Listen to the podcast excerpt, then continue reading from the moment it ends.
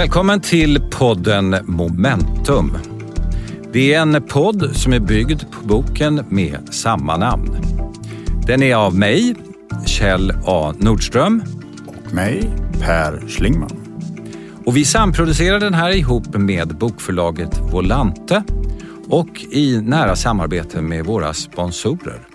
Advania, Skogsindustrierna, Transportföretagen och TV4.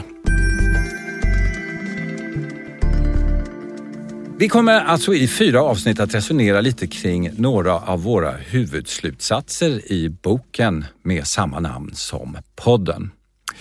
I förra avsnittet zoomade vi in på frågan om globaliseringen. Vad händer med globaliseringen i en värld där tre kriser har sänkt sig över vår glob? Nu ska vi ta och titta på en mindre analysenhet, men inte desto mindre en kanske av de viktigaste vi har, nämligen städer. Och det här är ju också någonting som har fascinerat Per och mig ganska länge. Redan 2014 kom vi ut med en bok som hette Urban Express.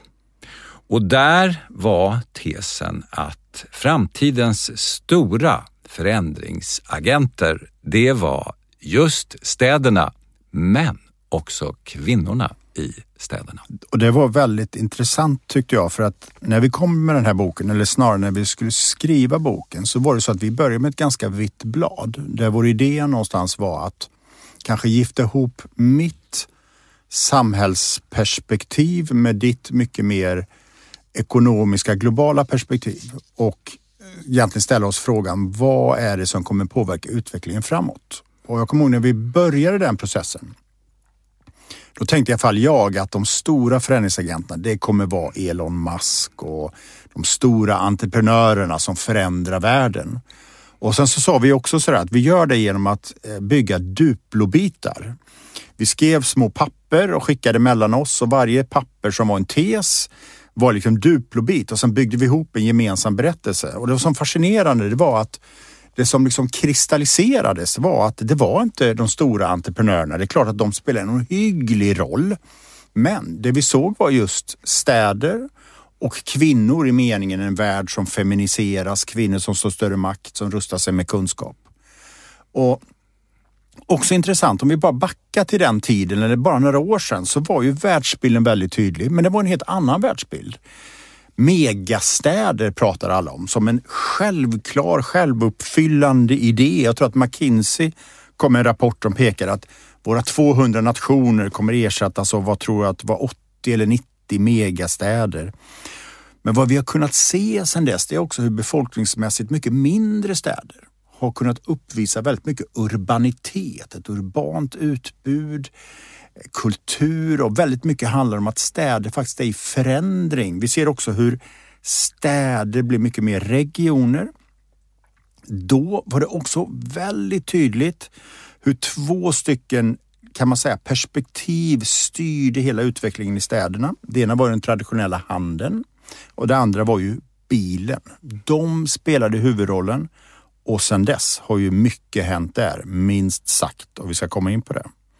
Och om man bara går tillbaka till den här lilla boken vi skrev, Urban Express, så konstaterar vi då att det enda kanske som skulle kunna stoppa urbaniseringen var en pandemi. Ja, och eh, i en tv-inspelning eh, strax efter att vi hade publicerat den här boken så fanns vår kollega från Karolinska med Eh, Hans Rosling. Och när jag hade berättat lite om våra slutsatser i Urban Express, städerna kommer att växa, de kommer att dominera världsekonomin, så bad Hans Rosling om att få en replik på det jag hade sagt och sa bara ge mig ett virus så är det slut med det där. Och det där var 2015 antagligen, vi publicerade vår bok 2014. Och sen fick vi ett virus. Mm, och det var ju så väldigt intressant. Det var ju någon typ av trycktest på städerna och eh, Vi var ju ute väldigt mycket i samband med pandemin och pratade och Zoom-samtal och föreläsningar och sådär. En av de vanligaste frågorna hela tiden var egentligen, är det slut på urbaniseringen? Är det slut på staden som den dominerande attraktionskraften för människor eller inte? Och lustigt nog verkar det vara långt ifrån över trots ett litet virus. Går vi tillbaka till den förra pandemin, i början på det förra århundradet, 1920, så bodde 90 procent av människorna utanför det vi idag kallar städer och det fanns två städer på planeten jordens yta med mer än en miljon människor. Det var Peking och det var London. Och sen har vi trots eh, det här viruset som besökte oss nu eh, för två år sedan kunnat se hur staden har fortsatt sin tillväxtresa. Men logiken för hur staden organiseras har förändrats. Samtidigt så sker någonting annat. Det är ju så att städerna och när vi blickar framåt så är ju framtidens stad något helt annat Absolut. än vad som var framtidens stad. Så att städerna fortsätter att locka, men städerna blir någonting annat. Ja, och där är det som vanligt att tidsmaskinen som vi talade om i vårt första avsnitt av den här podden, hur ett litet virus faktiskt kan skynda på stora processer i vårt samhällsbygge. Och här får man nog säga att de idéer som fanns om att reformera våra städer långt före pandemin skyndades också på av en pandemi. Absolut, och, och, är det någonting som jag tror att i princip alla känner igen sig i så är det just vad händer med våra stadskärnor? Eh, papp i fönstren, hur den traditionella handeln utmanas. Redan då talar vi om butiksdöd. Så det är någonting väldigt, väldigt tydligt som händer att städerna är i förändring.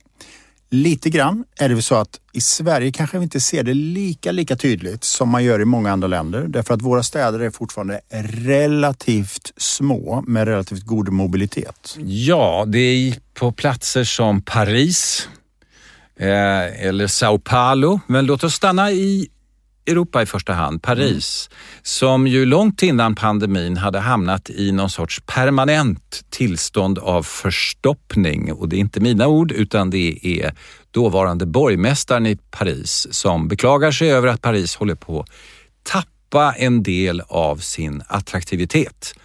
Och masstransportsystemet fungerar inte på det sätt som det är tänkt. Yttransporter fungerar inte heller på grund av bilköer.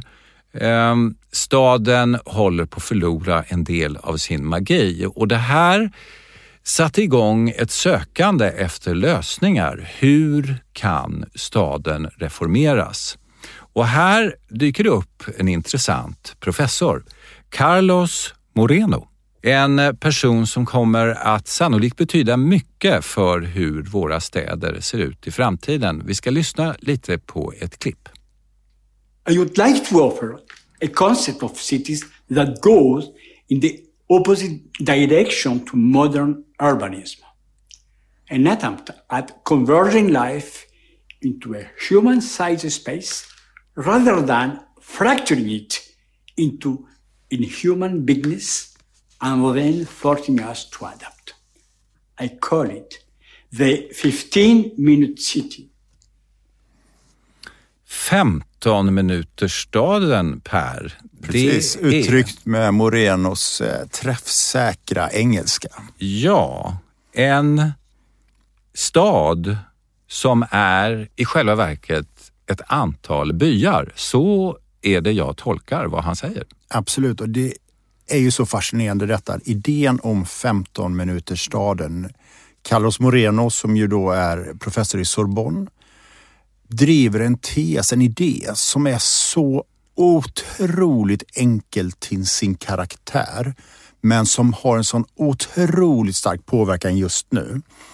Både kan man säga i eh, svensk stadsutveckling på olika sätt men eh, du nämnde flera, Sao Paulo, Paris, Antwerpen, Bogotá, Barcelona, överallt. Och vad det handlar om det är ju den här ganska enkla men och logiska idén att gå från industrisamhällets ingenjörsmässiga idé om en rationell stad där vi funktionsseparerar. Alltså, vi bor på en plats, vi har sjukhuset på en plats, vi dör på en plats, vi handlar på en plats, vi arbetar på en plats och däremellan transporterar vi oss.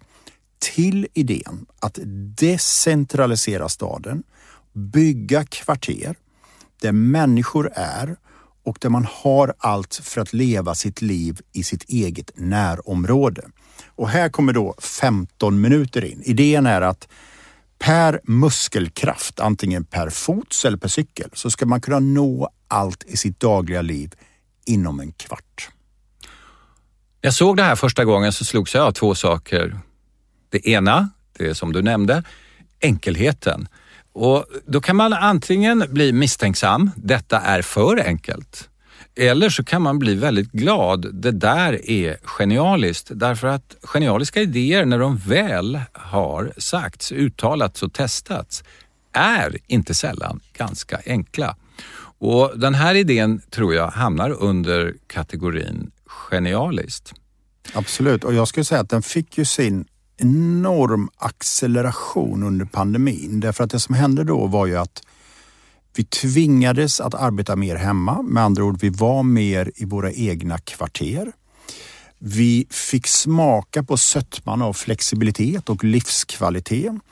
Och det är klart att, att det sociala kittet mellan människor eh, spelar en väldigt, väldigt viktig roll. Och det handlar egentligen om att bryta ner staden i mindre enheter. Exempelvis Barcelona har det som ett projekt, de pratar om superblocks, att skapa mindre enheter för att, för att optimera all den här rörelsen. Men får jag bara säga det här att den är ju genial i sin enkelhet men också väldigt dramatisk i sina konsekvenser och det är väl det som har gjort att den inte riktigt tidigare har fått liksom det genombrottet. Om vi tar ett retailföretag mm så tar vi Barcelona så tänker man att okej, okay, idag kanske vi finns på 15-20 platser. Därför att det är de platserna där människor handlar. Om Barcelona ska gå och bli 500 superblocks, då måste den här retailkedjan finnas på 500 ställen. Ta förskolor, ta sjukvård. Hela idén är ju att vända på perspektivet och istället för att fråga sig hur kan jag ta mig så snabbt som möjligt från mitt hem till sjukhuset? Så ställer vi oss frågan, hur kan sjukhuset komma närmare ditt hem? Ja, tror mig veta att det går. Och det beror inte på att jag är telepatisk utan det beror på att jag har jobbat med en annan typ av organisation där det finns många människor och som har dominerat sin del av världen, nämligen multinationella företag. De har funnits i 150 år och de har deklarerats tre, fyra, ja kanske fem gånger som dinosaurier, utdöende. Det har sagts att de är för stora, de är strukturer som gör människor omotiverade, det går för långsamt, de är slut nu. Men varje gång har den där dinosaurien visat sig ha en märkvärdig livskraft och återuppfunnit sig och dykt upp igen. Och sista gången de gjorde det här var någon gång 85, 1985, 1990 när man förstår att man måste bryta ner jätteföretag med hundratusentals anställda i småföretag. Det är Carlos Morenos idé fast omsatt på företag. Så att säga 15 minuters företaget, ett litet, litet företag med kanske 40, 50, 100, 150 anställda men som är del av ABB, som är del av Coca-Cola eller del av Virgin Group i England. Samma princip, tillämpad på företag och dinosaurien reste sig och promenerar omkring glad och pigg fortfarande. I de här kommersiella strukturerna så skulle jag säga med mycket hög sannolikhet, vi kommer att kunna göra det i städerna också. Jobbet kanske blir lite tyngre och lite längre, men idémässigt, vi har provat det och det gick. Det blir tyngre och längre på ett sätt, men på ett annat sätt så är det också väldigt lekfullt. Om man tar exempelvis eh, Paris som ju är kan man säga föregångarna i detta med borgmästaren Anne Hidalgo. Så det som sker parallellt med att den här idén eh, växer sig stark, det är också att man utmanar bilen. Man utmanar framförallt Hur mycket plats ska vi låta bilen ta i våra städer? Och i många av våra städer, i Stockholm har jag sett en siffra på någonstans strax över 50 procent, alltså strax över 50 procent av all yta i Stockholm går till vägar, parkeringsplatser, annat som har med bilen att göra. Och det är klart att när man utmanar det, säg att vi bara tar bort 10 procentenheter. Vi får 10 procentenheter mer yta. Och då kan man börja den lekfulla processen. Vi skapar gator för äldre, vi skapar kvarter för barn. Helt plötsligt så kan vi sätta människor i centrum. Vi skapar platser som är mycket mer optimala, mycket mer hållbara. Men om man då tänker sådär, där, vi har de här små härliga kvarteren. Städerna blir nätverk av kvarter, de många byarnas städer. Vad måste då finnas i ett kvarter? Jo, det ena är ju access till arbete. Det andra är access till fritid. Det tredje är access till samhällsservice. Men också saker och ting som de urbana kvaliteterna, kultur, jazzklubb, jazzklubb yoga, allt det där. Men också naturupplevelser. Återbruk. Så det handlar om att skapa den lilla traditionella byn med allt vi behöver för vårt dagliga liv och skapa det i en mångfald. Att låta allting decentraliseras. Det är ju en radikal förändring och framförallt i ett läge när väldigt mycket av städernas utveckling ändå har styrts av den här gamla idén om stordrift. Vi har de här kedjorna som kommer fram och vi gör de stora sjukhusen, de stora bostadsprojekten. Det här bryter vi nu ner. Vi kommer ju ur en tid då vi trodde att eh, transporter, det var inget problem och kostnader för transport skulle bara sjunka med tiden och då är det väl rimligt att man har ett stort sjukhus som servar kanske en miljon människor eh, och där i övrigt transporterar patienterna Det är också in. den gamla idén. Jag kommer ihåg för några år sedan så satt vi väldigt mycket och tittade på bryggerinäringen. Den mm. gamla idén, förlägg bryggerierna långt ifrån städerna där det är billig el, billigt vatten, billig hyra. Vi jobbar med det vi kallar skalfördelar. Och vad har hänt på senare tid? De sista fem, tio åren? Det växer fram bryggerier mitt i städer. Det växer fram destillerier. Vi odlar. Så plötsligt så gör vi allting närmare oss människor. Och i en digital värld så är det uppenbart att det som är inte är digitalt, det vi gör med händerna, hantverket, också har sitt återtåg i våra städer. Och det där är, det är ju helt rimligt att det blir så, att vi försöker lösa problem. Vi är ju, vi människor, lite som den här eh, lustiga karaktären som heter Linus på linjen. Man är ute och går på den där linjen och så stöter man ofta på ett problem. Och eh, de av er som har sett Linus på linjen vet att han ofta blir mycket upprörd och skriker och har sig och försöker då lösa det här problemet. Vi kom till en punkt då stordriftens logik och stadens storlek blev ett problem. Och vad vi nu gör är att vi håller på att lösa det här problemet och målet, så som vi tänker på det idag, det är ju de många byarnas stad som du så träffsäkert har sagt i något sammanhang. De många byarnas stad med sin egen jazzklubb. Men som också tror jag inte bara talar till människan som en rationell varelse utan Eh, jag tror I vår bok så skriver vi bland annat om Dolly Partons låt 9 to 5 som är där hon skriver om vedermödorna att sitta i bilköer, pendla till ett arbete för att göra någon annan rik. Staden handlar om att skapa attraktion, emotionella värden, sociala kitt. Och det är väl det som nu har sitt återtåg, att staden blir en plats för människor. Ja, och det kan man se när eh, tidskrifter som The Economist, som är en mycket högt rankad eh, brittisk tidskrift, eh, börjar ranka städer med avseende på attractiveness to live. Det är ju sånt som man har sett i helt andra publikationer. Men The Economist säger att den attraktiviteten kommer att bli helt avgörande för värdeskapandet. Är man helt enkelt kapabel att locka till sig de bästa, mest dynamiska människorna till sin stad, ja då är man antagligen spelbar i det här nya. Absolut, och då kan man ju också skapa det vi kallar för kluster eller ekosystem. Att, att som stad vara tydlig. Eh, att vi är en stad exempelvis som ett ekosystem för musik. Då har vi studios, vi har förlagen, vi har kapitalet och framförallt talangerna. Det är där det till slut landar ut i. En stad är dess människor och dess talanger. Man brukar säga eh, urbanister emellan att en stad och Stockholm blev en stad. Jag vet att du och jag skojade om det, att Stockholm då blev en stad med urbanisternas sätt att se det någon gång 2006.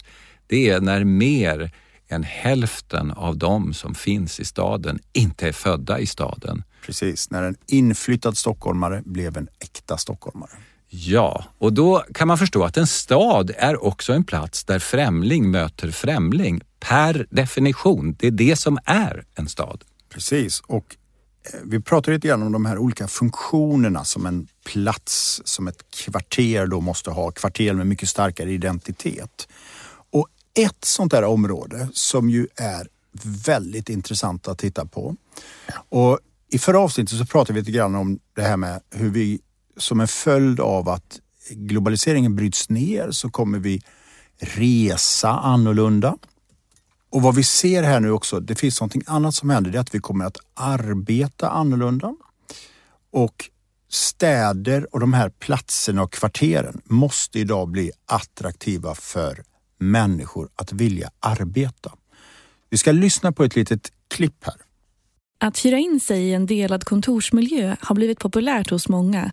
Företags och kontorshotellet DoSpace i Gävle expanderar nu med 160 nya kontorsplatser. Elin Bogren är platschef. Det har varit en stor efterfrågan. Ehm, nu hyser vi in ungefär 80 bolag i de befintliga lokalerna. Så vi börjar bli ganska fulltecknade här. Så därför så tar vi sats nu och ser att ja, men efter corona så kommer det finnas behov av mer flexibla lösningar. DoSpace är ett så kallat coworking space, en mer social form av kontorshotell där exempelvis företag, startups och frilansar kan hyra in sig i olika former av medlemskap. Ja, det här var ju ett exempel som vi har hört så många gånger de senaste åren. Alltså den här fullständiga tillväxten av platser för arbete som inte är hemmet, som inte är arbetsplatsen. Och vi ska ju komma tillbaka senare i ett avsnitt och egentligen bara fördjupa oss lite grann kring vad som händer med arbete. Men det är påtagligt så att en helt ny logik växer fram. Tidigare har det ju alltid varit så eh, att vad städerna vill göra, hela idén har varit att locka till sig etableringar av företag. Företag som etablerar sig och sen så kommer människor till företagens arbetsplatser. Idag är det ju talangerna som bestämmer. Så den nya logiken handlar om att locka locka människor till en plats där man vill arbeta. Och det finns de här olika rummen man pratar om för arbete. Det första rummet brukar man säga är den traditionella arbetsplatsen. Vi har hemmet. Men så har vi också de här tredje rummen. Mm. Platser som vi kanske idag inte ens kan föreställa oss med vår fantasi är platser för arbete. Metaverse type av platser. Så kan det vara och eh, kaféer spelar ju en väldigt viktig roll i det och det är också intressant att se vad som händer i hela kafévärlden. Faktum var att det var ju, eller Starbucks brukar hävda att de myntade begreppet det tredje rummet. Ett rum mellan arbete och hemmet. Ett rum där man kan gå på väg till och från sitt hem eller arbetet, koppla upp sig och kanske jobba lite grann. Nu exploderar de här rummen. Ganska snabbt såklart i Sverige. Eh, vi är otroligt duktiga på att ad adaptera.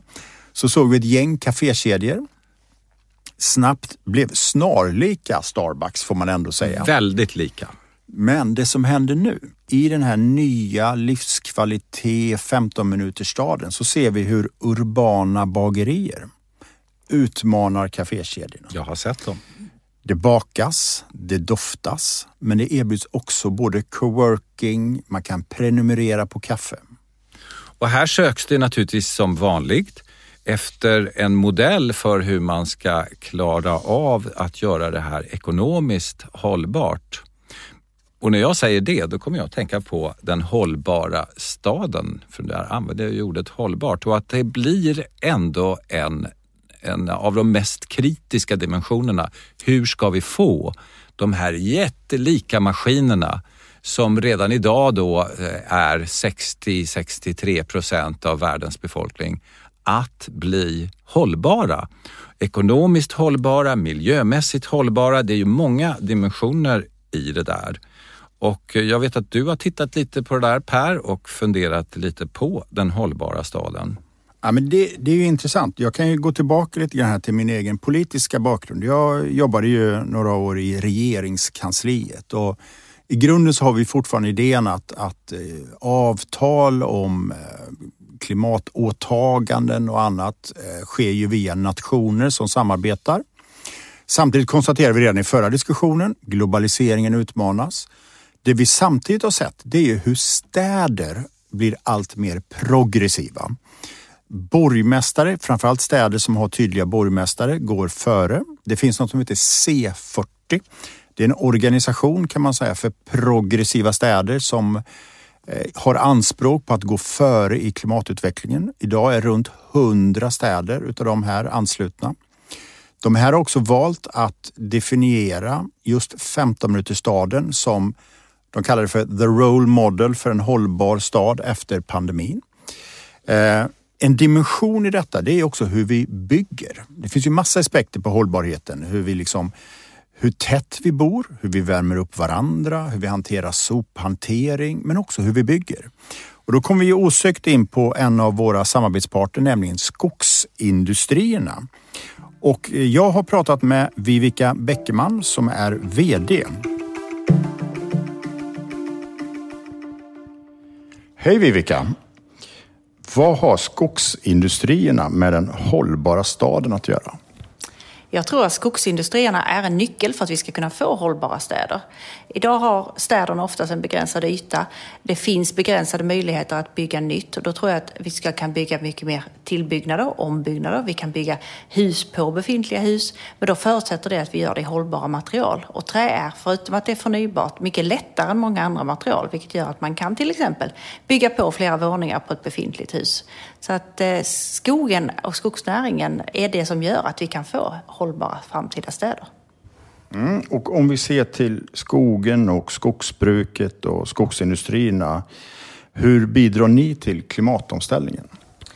Dels genom att den växande skogen binder koldioxid och dels genom att produkterna ersätter andra fossila produkter. Och vår målsättning är att vi ska ha mer skog som binder koldioxid under en längre tid. När du säger att, att eh, skogsråvaran kan ersätta eh, andra material som idag är fossilberoende, vad kan det handla om? Det kan vara allt. Från eh, stål och betong i byggande till eh, biobaserade drivmedel till eh, klimatsmarta förpackningar istället för fossila plastmaterial. Allt man kan göra av oljebaserade produkter kan man faktiskt göra av produkter från skogen. Så det är egentligen bara fantasin som kommer sätta gränser? Bara fantasin och tillgången på råvara. Bra, tack så mycket. Ja, som ni har hört så är städerna verkligen stadda i förändring. Inte nog med att de fortsätter växa, trots att det där viruset kom som Hans Rosling varnade för så verkar det som våra städer fortsätter mot att ta en dominerande plats i världsekonomin. Men vi har också sett hur en ny logik krävs för att få de här städerna att fungera och bli hållbara i ett antal avseenden. Och Carlos Morenos idéer om 15 minutersstaden, de är nog här för att stanna. Vi ser att de har fått fäste på så pass många platser runt om i världen. Och där kan man ju också säga att vi har ju nämnt idag nästan bara internationella exempel på väldigt stora städer, men pratar man med också, det är min bild, svenska stadsutvecklare, svenska kommunstyrelsens ordförande som den närmsta borgmästare vi har i Sverige så det är väldigt påtagligt att den här idén också är stark här. Däremot så kanske det är lite annorlunda. Vi har inte lika mycket eh, trafikinfarkter och så vidare i våra städer. Vi ser ju i Sverige hur de här medelstora städerna med kanske 100 000 och uppåt växer så det knakar. Vi ser hur städer i norra Sverige till följd av den gröna industrialiseringen växer. I Sverige kanske det handlar mycket mer om att jobba med att förstärka det urbana kvaliteterna, det urbana utbudet. Därför att vi har ganska mycket av mobiliteten redan på plats. Eh, tittar man i en stad som Stockholm där vi befinner oss just nu så har vi ganska starka distinkta eh, kvarter i vår innerstad. Jag tror mycket handlar här om att vidga den här ringen, se till hur skapar vi 15 minuters miljöer också i våra ytterförorter, ytterkommuner, kranskommuner. Så det här är någonting tror jag som vi kommer få se prägla utvecklingen också i Sverige, men med lite andra förtecken. Det brukar bli det som jag kallar en dialekt på en idé. Att eh, när det kommer en stor fin idé så brukar vi tillämpa den både i Japan och i USA och Europa. Men vi gör den ofta lite på vår egen sätt. Kineserna brukar ju prata om att de har kapitalism med kinesiska förtecken och det måste man ju säga att de Precis, och har. vi har då våra typer av 15 minuters städer kan vi konstatera. Precis. Och där eh, utmaningarna med retail kommer antagligen att vara helt centralt i åren som kommer. Det tror jag vi kan vara helt säkra på. Det har ju varit lite av, kan man säga, religionen i svensk stadsutvecklingen. Eh, och sen så har eh, den traditionella handeln då utmanats av e-handel, av externhandel och väldigt mycket av diskussionen handlar nu, vad händer med våra bottenvåningar? Och jag tror att vi kommer få se väldigt mycket annat än just eh, retail. Vi kommer få se hälsa, vi kommer få se konst, vi kommer få se eh, platser för arbete. Jag vet att du skickade ju eh, över en artikel häromdagen från, eh, var det Economist? Det var The Economist. Där man tittade på, kan man använda eh, platser där det varit handel för hälsovård men också cannabisodling? Ja, gamla köpcentrum som man då upptäckte att de är ju utmärkta platser för eh, stora och eh, kraftfulla cannabisodlingar. Så att vem vet vad som ligger framför oss? Det där var väl lite av en cliffhanger.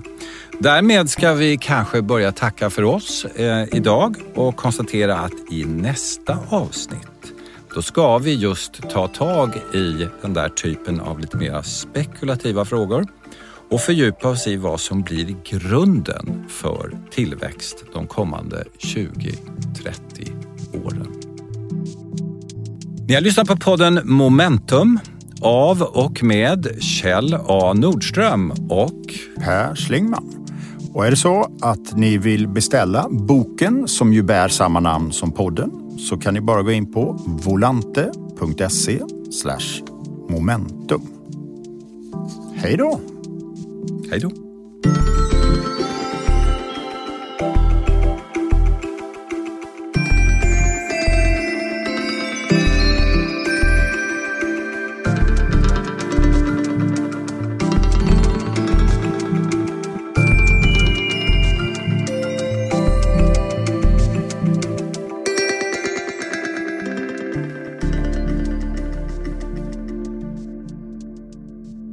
Det här programmet görs på Beppo. Beppo.